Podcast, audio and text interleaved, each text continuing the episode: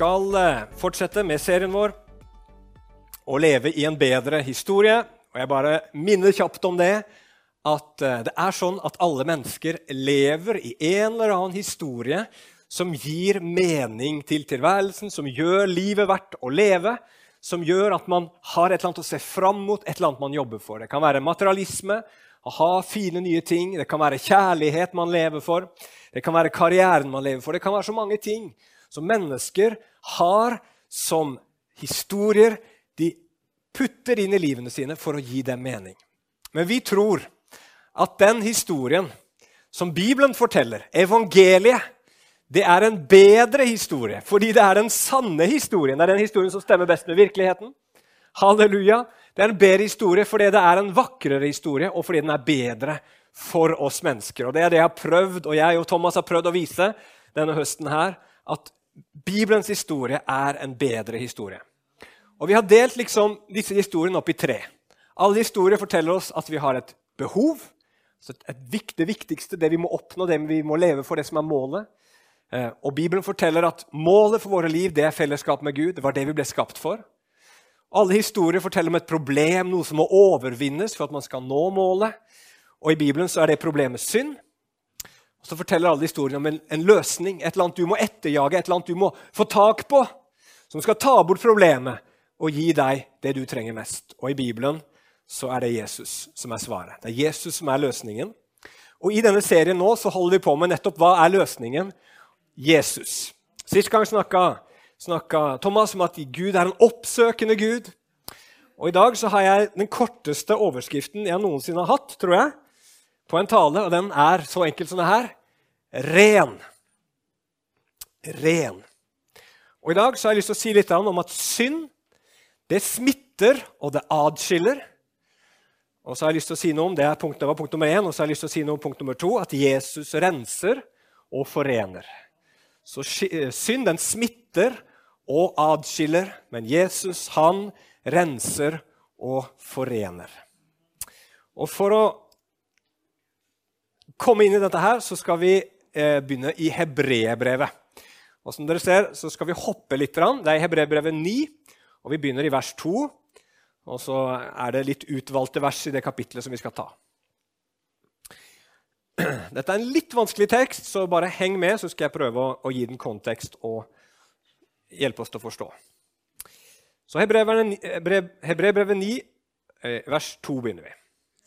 Det var reist et telt. Dette her er det gamle Israel. ikke sant? I det forreste rommet, som kalles Det hellige, var lysestaken og bordet og skuebrødene. Bak det innerste forhenget var det et annet rom som kalles Det aller helligste. De hadde et røkelsesalter av gull og paktkisten som var kledd med gull over det hele. Så hopper vi til vers 6. Slik var alt dette ordnet. I det forreste rommet går prestene stadig inn når de skal utføre tjenesten.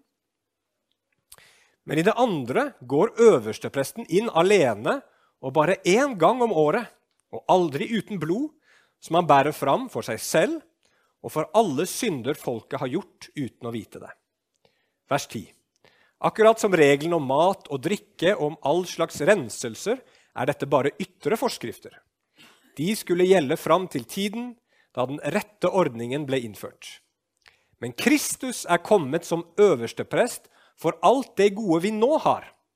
Han har gått gjennom det teltet som er større og mer fullkomment, og som ikke er laget av menneskehånd, dvs. Si som ikke tilhører den, denne skapte verden. Ikke med blod av bukker og kalver, men med sitt eget blod gikk han inn i helligdommen en gang for alle og kjøpte oss fri for evig.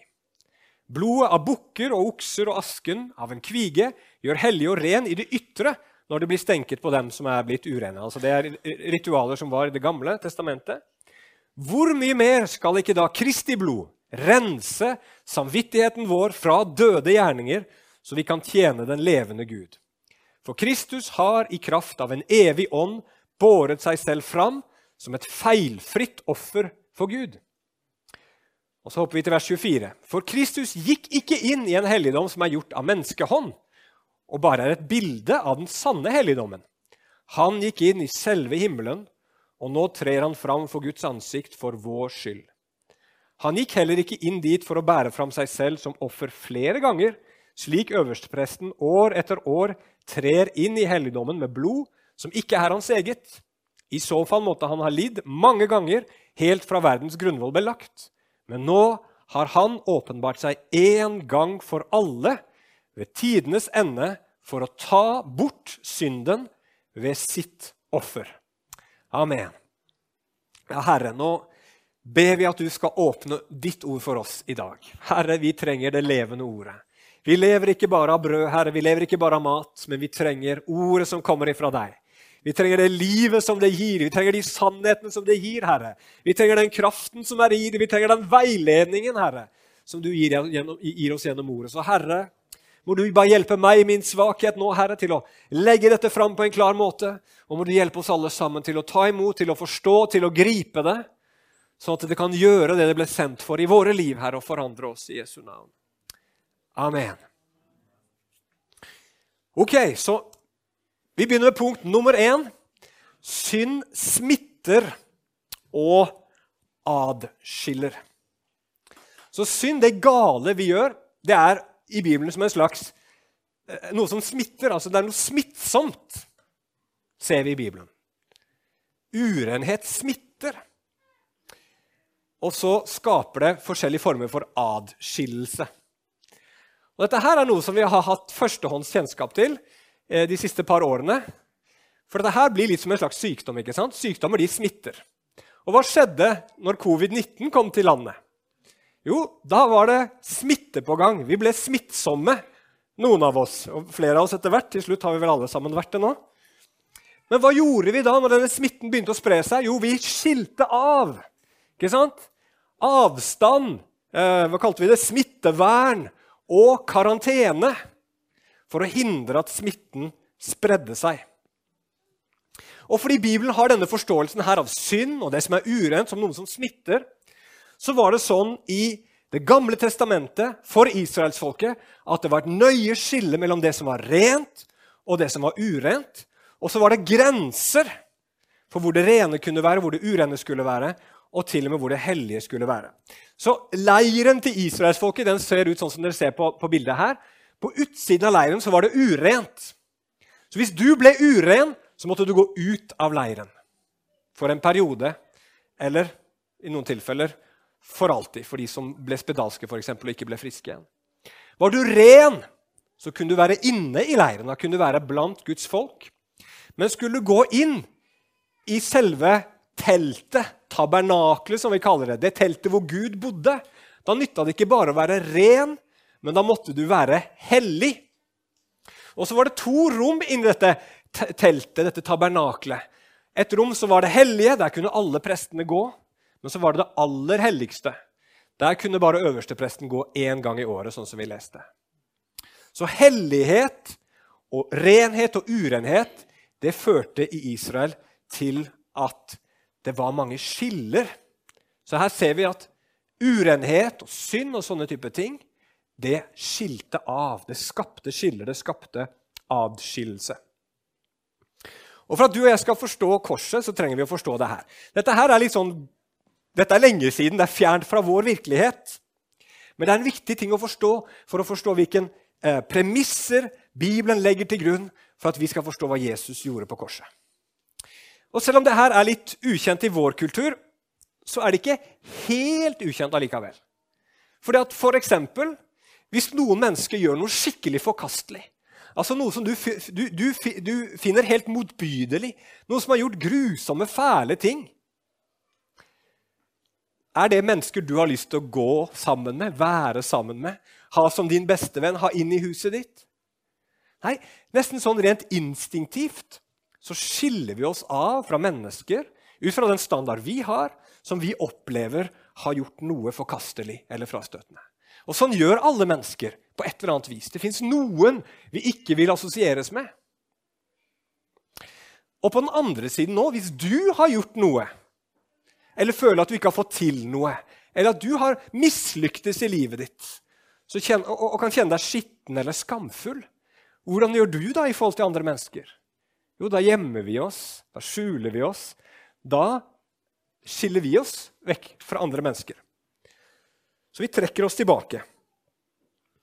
Så dette her fins i oss, ikke sant? denne ideen av at noe galt, noe urent, fører til adskillelse. Henger dere med på tanken? Ja. Og Israel de hadde fryktelig mange regler om det her, og jødene i dag de har også det. Hvis noen har vært i kontakt med noen som er jøder, så skjønner du at dette her er komplisert. Veldig, veldig komplisert. Eh, og, og, noen av disse renhetsreglene også, må jeg ærlig innrømme, er litt vanskelig å forstå. Noen skjønner jeg godt, andre er verre å forstå. Men, men poenget er enkelt. Grunnen til at Gud lager alle disse reglene, det er for at vi skal forstå én veldig grunnleggende ting, og det er at synd skiller oss fra Gud. Synd skiller fra Gud. Og det er to problemer med det. Første problemet er at Gud han kan ikke ha fellesskap med synd. Så at når du og jeg har synd i våre liv, så kan ikke Gud være sammen med oss. Det er ikke fordi at Gud er, i fare for å bli smitta. Det er heller fordi at vi er i fare for å gå til grunne. Thomas var inne på det sist gang. Gud er litt sånn som klor. Vi er litt sånn som bakterier. Klor og bakterier, hvis du tar det sammen, så er det alltid kloret som vinner. ikke sant? De kan ikke være sammen, de kan ikke ha fellesskap, for bakteriene dør hver gang. Så klor kan ikke bli venn med bakterier. Sånn er det bare. Og sånn er det med Gud. Og han er hellig. Så alle disse forordningene, dette teltet og alt dette her, var ikke først og fremst for at Gud ikke skulle bli smitta, men at folket ikke skulle komme i kontakt med en hellig Gud og dermed gå til grunne. Så det er det ene problemet. Det hindrer fellesskap med Gud. Og det andre problemet er at Gud, fra han skapte verden, så hadde han en drøm, et ønske, en plan, en visjon om en ren verden. Uten synd. Et rent paradis. Hvor ikke ondskap fikk smitte og ødelegge. Og hvor han kan få lov å bo midt iblant sitt folk. Og dette teltet, tabernaklet, som jeg sa på en, en, tale for lenge siden på Betel. Ingen som husker det? Garantert. Vi husker jo ikke hva jeg sa forrige søndag. stort sett. Men i den, i, i, i tabernaklet Det inkluderer meg noen ganger òg, så jeg må bare innrømme det. Det hender jeg å glemme hva jeg talte om sist søndag. Eh, men i, i, dette tabernaklet så var det masse bilder. Det var tre, det var uh, kjeruber, det var palmer. Det var forskjellige ting som pekte tilbake til Edens hage. Og Når Gud oppretter dette tempelet, så, så sier han her prøver jeg på nytt igjen å skape et sted hvor det er rent. Hvor mitt folk kan være sammen med meg, og hvor det ikke fins noen smitte fra synd. Og så er det det som er Guds plan en gang i framtiden. Å virkelig skape det over hele jorden. Et sted hvor synd er vekk, hvor syndens smitte er borte. Det er det vi kaller for himmelen eller for evigheten. Så Gud han vil få vekk denne synden. Den er et problem. Den smitter, og den skaper denne adskillelsen. Og hva er det som gjør uren, da? Altså I Det gamle testamentet var det masse regler for hva som gjør urent. Det, det, du kunne, du, hvis du tok på en død, for eksempel, død person, så ble du uren. Eh, det fantes eh, visse regler for, eh, for, eh, ja, for, for, mat du kunne spise som gjorde deg uren, osv. osv. Men i Det nye testamentet så forklarer Jesus hva som faktisk gjør uren, og hva som faktisk skiller fra Gud. Det står i Matteus 15, vers 17-20. Og Da forklarer han at alt det med mat og alt dette her ytre det, det, det var bare en slags illustrasjon. Skjønner dere ikke at alt det som kommer inn i munnen, går ned i magen og forsvinner ut dit det skal? Dere skjønner hva jeg mener, da? Ja. Jeg trenger ikke å gå i detaljer på det. Vers 18. Men det som går ut av munnen, kommer fra hjertet og det gjør mennesket urent. For fra hjertet kommer onde tanker, mord, ekteskapsbrudd, hor, tyveri, falskt vitnesbyrd, spott. Dette er det som, som, gjør mennesket urent. Men å spise uten å skylle hendene gjør ikke mennesket urent. Det er allikevel en god idé å vaske hendene før man spiser. Bare så det er sagt. Så her beskriver Paulus, Paulus og Jesus hva som er synd. Det er det som fødes i våre hjerter fra vår egoisme, fra vår ondskap. Og så forklarer Bibelen det at dette her er noe som smitter. Det smitter den verden vi er en del av. Det kan vi egentlig se hvis du bare tenker litt over det. Alle sammen har vi et visst potensial for å gjøre det som er galt. Det ligger i oss, men vi påvirker hverandre. Eh, og, og, noen ganger så kan andre menneskers ondskap mot ett menneske gjøre det mennesket mye verre enn det det ville vært ellers. Altså Hvis du vokser opp for eksempel, i veldig veldig vanskelige kår med mye, mye, mye vold, for eksempel, så kan du vokse opp og bli et voldelig menneske. Som det ikke ellers ville blitt, muligens. Det fins kulturer ikke sant, som er prega av visse ting, som, som, som, påvirker alle sammen. Så smitter det, og så blir det til en kultur hvor det er mye ondskap. Og som, som sprer om seg. Og Derfor forstår vi også hvorfor Gud noen ganger i Bibelen er rett og slett nødt til å utrydde nasjoner, kulturer, menneskeslekten. Fordi at han er nødt til å stoppe smitten. Det blir ikke bedre, det blir bare verre og verre. Og så sier Gud nå holder det. Nå må ikke dette få spre seg mer. Og så sier han stopp, og så kommer det en dom. Sodoma og Gomorra for eksempel, er et eksempel på det. Og hvis det nå er sånn at synd skiller oss fra Gud, og synden smitter og brer om seg, så kan ikke Gud gi oss en framtid. Han kan ikke gi oss noe paradis, han kan ikke gi oss noe himmel uten renselse. Synden må renses vekk. Synden må tas vekk på et eller annet vis. Og Da kommer vi til punkt nummer to. Jesus renser og forener. Og Før vi kommer til Jesus, har jeg bare lyst til å gå litt tilbake til Det gamle testamentet. Jeg har vært inne på at Det er masse regler for renselse i Det gamle testamentet. Et av de var at du måtte være utenfor leiren en viss periode til det gikk over. Ofte så måtte du også vaske deg med vann. Det var en type renselse. Noen ganger så måtte du gjøre et offer, og så var det blodet fra det offeret som rensa deg. Og noen ganger så ble det ikke noe renselse annet enn at den som hadde gjort det gale, måtte dø. Og prinsippet som jeg håper jeg kan klare å hjelpe dere til å få tak i, er det at renselse skjer litt sånn som når du vasker noe med vann. Om har tenkt gjennom det, men du, Hvis du vasker noe med vann, du har et klesplagg som er skittent, og så vasker du med vann, det som skjer da, det er at vannet tar skitten opp i seg. Sånn Vannet blir skittent etterpå når du har vaska noe i det.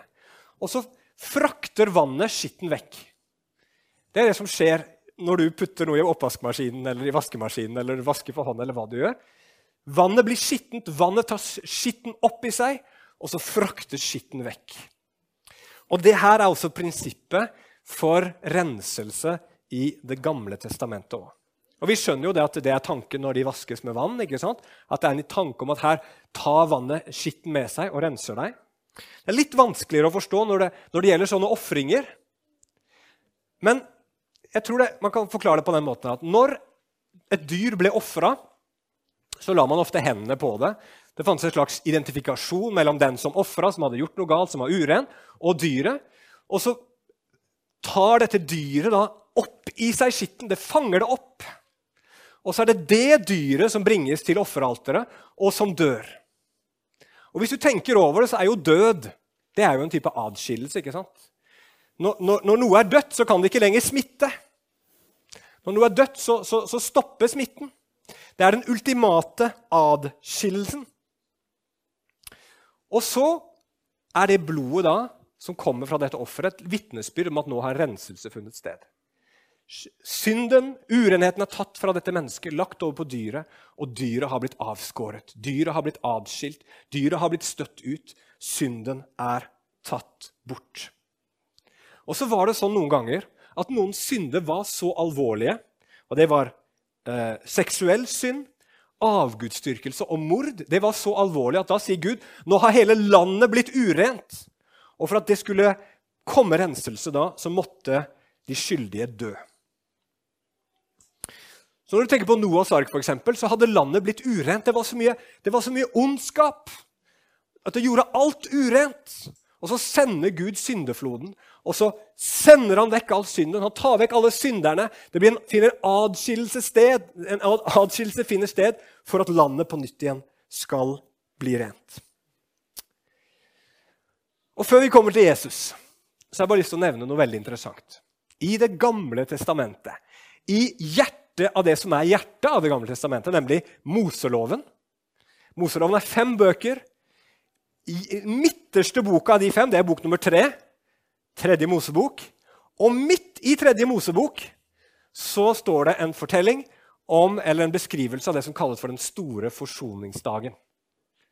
Det er liksom kjernen i Moseloven. Midterste, midt i den midterste boka. Det kan du lese hvis du vil i, i, eh, i 3. Eh, Mosebok kapittel 16. Så er det et ritual for man, hvordan man skal rense tempelet. Man skal rense helligdommen helligdommen som er et bilde på jorda sånn som den var til å begynne med, og et bilde på verden sånn som den skal bli i framtiden. Det måtte renses ved jevne mellomrom, for israelittenes synd den, det, det, det skapte som en forurensning i helligdommen, og det måtte renses en gang i året. Så hvordan gjorde man det? Jo, man gjorde det på en veldig spesiell måte. Man valgte ut to geiter, og så trakk man lodd. Den ene ble ofra på vanlig vis, det skal jeg si litt om neste gang. Men så hadde du den andre bukken som vi kaller for syndebukken. Så her kommer det fra. Hvis noen er en syndebukk, så er det her det er henta fra. Og hva gjorde man med syndebukken? Jo, det er litt spesielt. Det står det at Aron skulle legge hendene sine på denne syndebukken, og så skulle han bekjenne alle Israels synder over syndebukken. Her finner det sted en overføring. ikke sant? Her legges all synden til israelsfolket over på syndebukken. Og så står det noe rart. Den skulle sendes ut i ødemarken til Asa selv, står det. Det er ikke alle bibeloversettelser som oversetter det sånn. Men, og det er, veldig, det er litt sånn uh, diskusjon om kan det stemme liksom at de sender det ut i Asa selv, for det er navnet på en ond ånd, nemlig. Sender de denne her ut til en ond ånd? Hva, hva er dette her for noe rart? Antageligvis så handler dette rett og slett om at man sender synden dit den hører hjemme. Der hvor ondskapen hører hjemme. Der, der ute. Vekk! Bort! ikke sant? Der hvor djevlene er og åndene er. Der hvor det er urent. Få det vekk! Og så vil jo denne bukken antageligvis også ende opp med å dø. ikke sant? Den blir adskilt. Så her transporteres synden ut av leiren på denne syndebukken, der den hører hjemme, sammen med all synd og elendighet. Og så blir tempelet, tabernaklet, blir rent. Sånn gjorde de i Det gamle testamentet. Og så er spørsmålet hvordan kan du bli ren? Og Nesten alle religioner i verden har en tanke om urenhet og renhet. Og For å bli ren så må man enten gjøre ritualer Men disse ritualene her som vi leser om i Det gamle testamentet, de fungerte ikke.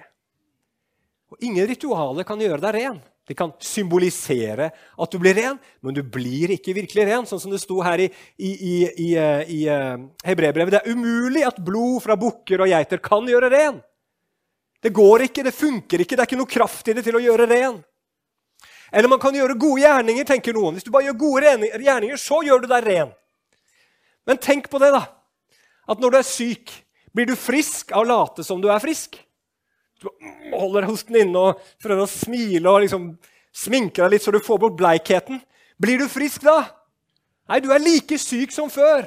På samme måte så kan du ikke bli ren gjennom gode gjerninger. Men det fins én ting som funker. Og det, det, er det som alle ritualene i Det gamle testamentet peker på. Og nå kommer vi til han det handler om, nemlig Jesus. Og det som den store forsoningsdagen også peker på. Jesus hvordan da? Hvordan kan Jesus rense deg og meg fra synd og urenhet? Hvordan kan Jesus gjøre deg ren? Jo, fordi Jesus for det første tar synden på seg. Jeg vet ikke om du har tenkt på det, men da døperen Johannes kom, så gikk alt av folk i Israel og døpte seg ikke sant? idet de bekjente sine synder. De kom og omvendte seg og ba om tilgivelse for syndene sine. Og så kommer Jesus dit. Og hva gjør Jesus? Jo, han døper seg òg. Hvorfor i all verden gjør han det? Trenger han å bekjenne noen synder? Nei, mens de andre gikk ned i dåpsvannet for å legge synden av seg, så gikk Jesus ned i dåpsvannet for å ta syndene på seg. Og idet Jesus kommer opp, eller i kort tid etterpå at han kommer opp fra det dåpsvannet, så peker døperen Johannes på ham, så sier han, Se der, Guds lam, som bærer verdens synd. Eller som noen oversettelser også sier det, se der Guds lam som bærer bort verdens synd. Ser dere bildet? Ser at Jesus gjør det som Bibelen forklarer er renselse. Han tar det første steget, han tar det opp i seg. Han bærer synden på seg. Og så stopper det ikke der.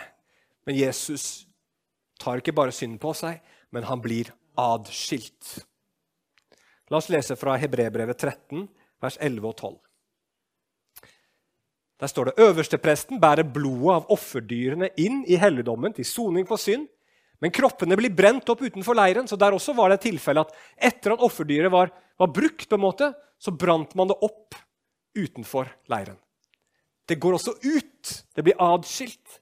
Og så står det i vers 12.: Derfor led også Jesus utenfor porten, altså utenfor Jerusalem, utenfor leiren, for å hellige folket ved sitt eget blod.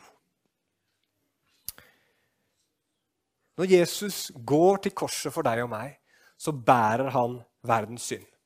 Han ble gjort til synd for oss, står det i 2. Korinterbrev 5.21.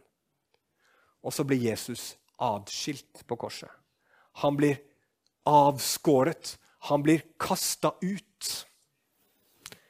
Og det hører vi når Jesus henger der på korset, og han roper, 'Min Gud, min Gud, hvorfor har du forlatt meg?' Han er utenfor leiren. Han har blitt avskilt. Han har blitt avskåret. Han som ikke fortjente det, lot seg avskjære, lot seg adskille for din og min skyld. Og så smaker han døden for oss alle, som det også står i hebreerbrevet. Han erfarer den ultimate adskillelsen, åndelig død og fysisk død. Hvorfor gjorde Jesus det? Jo, han gjorde det for å gi alle mennesker et valg, for å gi deg et valg, for å gi meg et valg. Enten så gir du syndene dine til Jesus, og så får du bli ren. Det er alternativ nummer én. Gi dem til Jesus. Han vet hva han skal gjøre med dem. Han kan gjøre deg ren. Gi syndene dine til Jesus. Han er den eneste som kan hjelpe. Eller så kan du velge å beholde dem. Forsøke å vaske dem vekk på egen hånd. Men vet du hva som skjer da? Da sier Bibelen det klart og tydelig. Da er det du som vil bli adskilt. Og du vil bli adskilt for alltid. Det Bibelen kaller den andre død. Den evige død. Men hvis du gir synden din til Jesus, så er det et par sannheter som jeg vil du skal ta med deg før vi avslutter her. For det første, hvis du gir din synd til Jesus, så blir du ikke bare ren, men du blir hellig. Husker dere at jeg viste deg de her tre nivåene? Uren, ren, hellig. Det var bare prestene som ble hellige. Og det var bare ypperstepresten som var så hellig at han kunne gå inn i det aller helligste. Men i hebreerbrevet så står det det som vi leste, at vi har fått adgang inn i det aller helligste. Når du lar Jesus rense deg, så blir du hellig. Så hellig at du kan gå inn i det aller helligste. Ikke bare én gang i året, men du kan alltid komme så nær Gud som det går an å komme. Og det Jesus gjorde, det var et én gang for alle-offer. Så vi sier at dette her er sikkert. Det er ikke sånn det slutter å funke på et tidspunkt. Det er gjort for evig og alltid for deg, så at du kan få et evig fellesskap med Gud. Et evig liv sammen med din skaper. Det er ganske bra for å si det sånn.